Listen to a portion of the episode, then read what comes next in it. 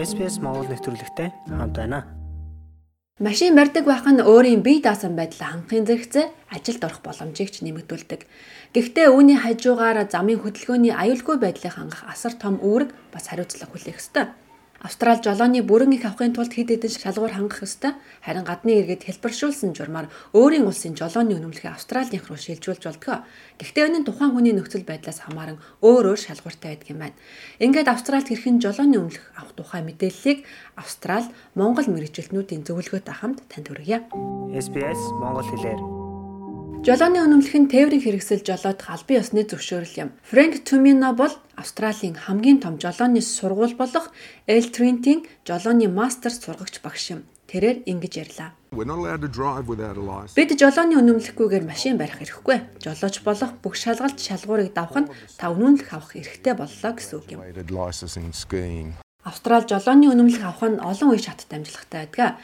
Энэ нь таны жолоодох гэж байгаа тээврийн хэрэгслийн хэмжээ төрлөөс хамааран өөр өөр журмаар олгогддог. Жишээлбэл автомашин жолоодох эрх нь мотоцикл, хүнд даацын тээврийн хэрэгсэл жолоодох үнэмлэх авахаас өөр шалгууртай. Автозамын дүрмж мууч нутаг дэвсгэрээс хамааран өөрөөр байдаг. Гэхдээ ижил төстэй зүйл олон бий. Ньюса Хиггинс бол New South Wales Transport компани замын хөдөлгөөний аюулгүй байдлын стратеги бодлого хариуцсан захирал юм. Тэрээр хэлэхдээ анх жолооч болох гэж байгаа хүн эхлээд замын дүрмийг сурах хэрэгтэй. Дараа нь ээлээс нэртэй жолооны үнэмлэх авахын тулд шалгалт өгөх хүсэлт гаргаж болно гэлээ. New South Wales мужид 16 наснаас дээш жолооны суралцагчийн үнэмлэх авах хэрэгтэй болдгоо. Тэд харааны болон мэдлэгийн шалгалт өгдөг. Энэ шалгалт нь замын дөрвийн мэдлэгийг шалгадаг юм. Ингэснээр та зам дээр аюулгүй зорчих болно. Суралцагчийн үнэмлэх буюу ээл нь та хажуудаа хүнтэй хамт зам дээр тээврийн хэрэгсэл жолоодож дадлага хийх боломжийг олгодог. Хажуудаа Австралийн үнэмлэхтэй хүн хамт явж тухайн хүн жолоо барих хэрэгтэй байна гэсэн үг юм а.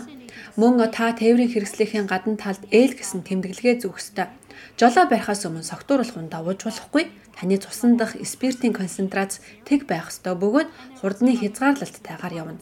Бас гар утас хэрэглэхийг хориглох зэрэг бусад дүрм шаардлагууд тавигддаг. Mobile phone use is banned when you're uh, on your Ls. Анхлан жолооны үнэмлэх авах гэж байгаа суралцагчдын наснаас хамаарч хэр удаан ээл үнэмлэхтэй байх нь шийдэгддэг. Тэд ганцаараа жолоодохоос өмнө туршилтын буюу PS гэж нэрлэгддэг үнэмлэх авдаг. Энэ үнэмлэхийг авахын тулд мөн жолооны практик шалгалт өгөх ёстой. Фрэнк Тумино ингэж ярьлаа. You can Та төлбөртэй жолооны хичээлүүдэд сууж болно. Мэргэжлийн сурагч багш нар жолоодлагын сайн суурь тавьж зөв техникт суралцахад туслах болно. Ийм сайн суурь дээр тулгуурлан хамгийн чухал зүйлсийг танд заах болно.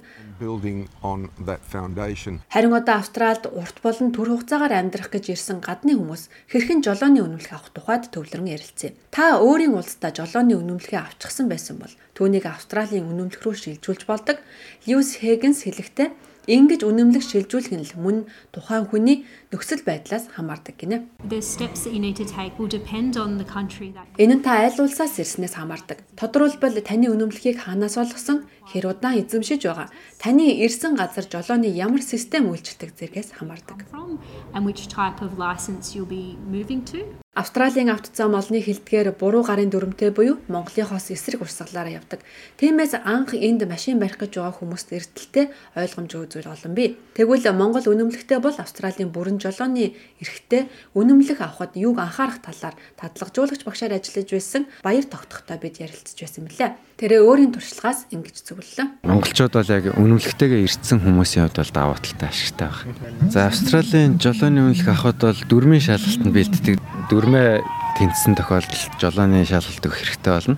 А жолооны шалгалтаа манад бол Монголд бол одоо дром өдр өгдөг. Энд бол дром гэсэн юм байхгүй. Шууд хотынхоо жолоонд шууд гарч шалгалтаа авдаг. Ялгаа нь ялгаа нь тэрэндээ байгаа. Үргэлжлүүлэн Төминогийн ярианд анхаарлаа хандуулцгаая. Түүний хэлж байгаагаар бол бусад оронд автомашин жолоодож сурсан хүмүүст шалгалт өгөхийн тулд дадлагжуулагч багштай байх нь давуу тал болно гэлээ. With the migrants we'd have a different Цагаач иргэдийн хувьд бид замын хөдөлгөөний дөрмийн талаар илүү төвлөрөх хэрэгтэй болдог. Багш нар тэдний өөрийн улсдаа бий болгосон туршлуудыг арилгахад анхаарлаа хандуулдаг. За Австральд замын зүүн талаа барьж явдаг нь олон гадны иргэдэд томоохон сорилт болж байдаг. is a major challenge in this country. Баяр тогтгийн хувьд өмнө нь яг ийм жолооны дадлагжуулагч багшаар ажиллаж байсан хүний хувьд дараах зөвлөгөөг монголчуудад хуваалцаж байна. Тэгээ ер нь бол яг жолоо бэлдэж явах үед хүмүүс жоохон хайнга талтай байдаг. Үзэгдэлт хангалтгүй орчин гэдэг имийг ерөөс шалгадаг юм байлаа Монголд бол. Ер нь бол аюулгүй байдал хангана гэдэг чинь ерөөсөө ийш тийшээ байн хараад толинуудаа хянаал эргэж хараал тийм ээ. Ухрах үйлдэл хийлээ ч гэсэн арын цонх мохондоо хардаг. Араар хүүхдгүү өхөө хажуугаар дугуйтаа хүн мотоциклтай хүн өнгөрөөд мөргүүлчих гэдэг тэр бүх юмнуудын тооцоолцсон энэ Австралийн ер нь бол жолооны хичээл бэлтгэх явц бол надад маш их таалагдчих үр дүнтэй. Жолоочийн бүрэн эрхтэй өнөмлөх авахын тулд та гинтийн аюулыг мэдрэх талаар сургалт авч тест өгөх ёстой. За ингээд шалгалтуудаа давж өнөмлөхөө авахд зарим хязгаарлалтууд хөнгөрнө. За гэхдээ та замын бүх дүрмийг дагаж мөрдөх ёстой. Хэрвээ зөрчил гарвал их хэмжээний торгуул төлөхөөс эхлээд өнөмлөхийг түтгэлзүүлэх цуцлах хүртэл арга хэмжээ авч болзошгүй юм. Манайх маш хатуу дүрмтэй улс. Хурд хэтрүүлсэн согтуугаар тээврийн хэрэгсэл жолоодсон тохиолдолд хүнд шийтгэл ногдуулдаг.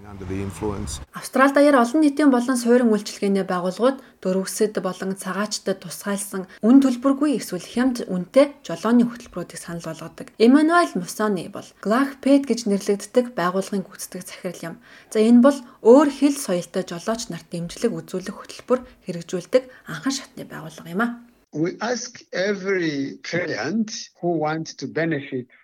Хэрвээ та мэдлэгийн шалгалтандаа тэнцсэн бол манад бүртгүүлээрэй гэж хэлмээр байна. Өөрөөр хэлбэл та ээл тэмдэглэгээ авах үедээ гэсэн үг. Зарим хүмүүс жолоо барих талаар огт мэдээлэлгүй, мэдлэггүй байдаг. Тиймээс манай багш нар тэндээс яг энэ цэгээс нь эхлээд үнэмлэх авах хүртэл жолоодохыг зааж өгдөг. Them to teach them driving. From that point to the point of getting a license. Австралид дөнгөж ирсэн эмэгтэйчүүд болоод ганц бие ээжүүд бусдаас ихээхэн хамааралтай амьдарч байгааг анзаарсан учраас энэхүү хөтөлбөрийг хэрэгжүүлж эхлэхээр болжээ. Ингээд илүү үр дүнтэй байлгах хүтнээс тухайн улсын иргэдийнхэн дундаас багшийг сурган ажилуулах нь зөв гэж Glagpet байгууллага үтсэн байна. Ийм дадлагжуулагч багш нар өөрийн орны хүмүүсийн мөн чанарыг сайн ойлгодог учраас сайн зааж чаддаг. Манай сурсан хүмүүс жолооны өмнөлхөө авсны дараа ажилтаа болсон тохиолдолч бай. Тэдний зарим нь ажилд орж чадаагүй, за тэр ч удаа орох боломжгүй ч хүмүүс байдаг юм. Шинээр ирсэн болон ганц бие ээжүүдийн хувьд тэд хинээс ч хамааралгүйгээр бие дааж чаддаг. Тэгээд тэд бие даасан шийдвэр гаргадаг, бие даасан эмэгтэйчүүд болж чаддаг. Regardless of who is giving them a lift or not.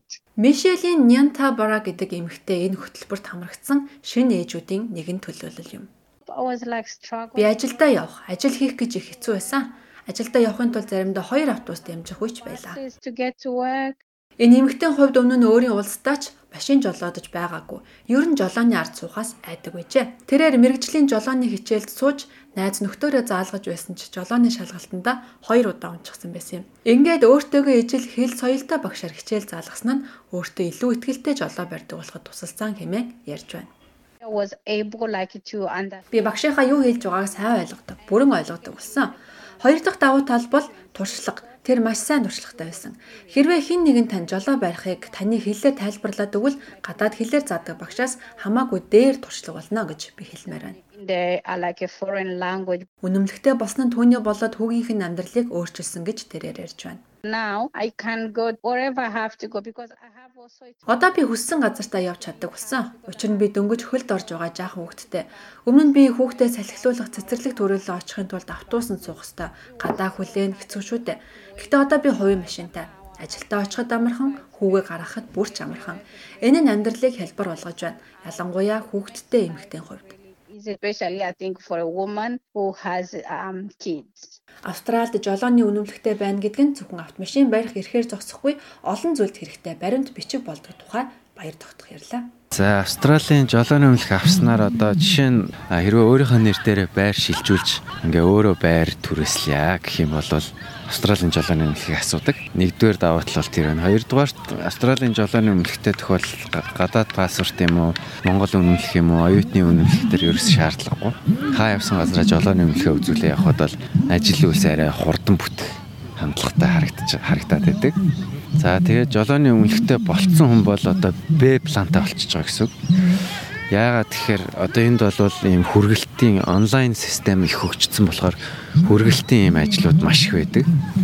Хоол хүрэх хүргэн одоо шуудан хүргэн одоо хувийн машинаараа одоо тийм хүргэлтэнд явж болж байна, таксинд явж болж байна. Тэгээ ер нь бол жолооны өмнөхтэй хүн бол үндсэн одоо өөр ажил хийдэг байлаа ч гэсэн хажуугаар нь өөр давхар яг машинтайгаа жолооны өмнөхөө ашиглаад давхар орлого олох боломж нь бас нэгдээд байна. Бидний хүссэн газраа сонсоорой. SBS радиогийн аппликейшнийг SBS.com.cg радио апп хаягаар татаж аваарай.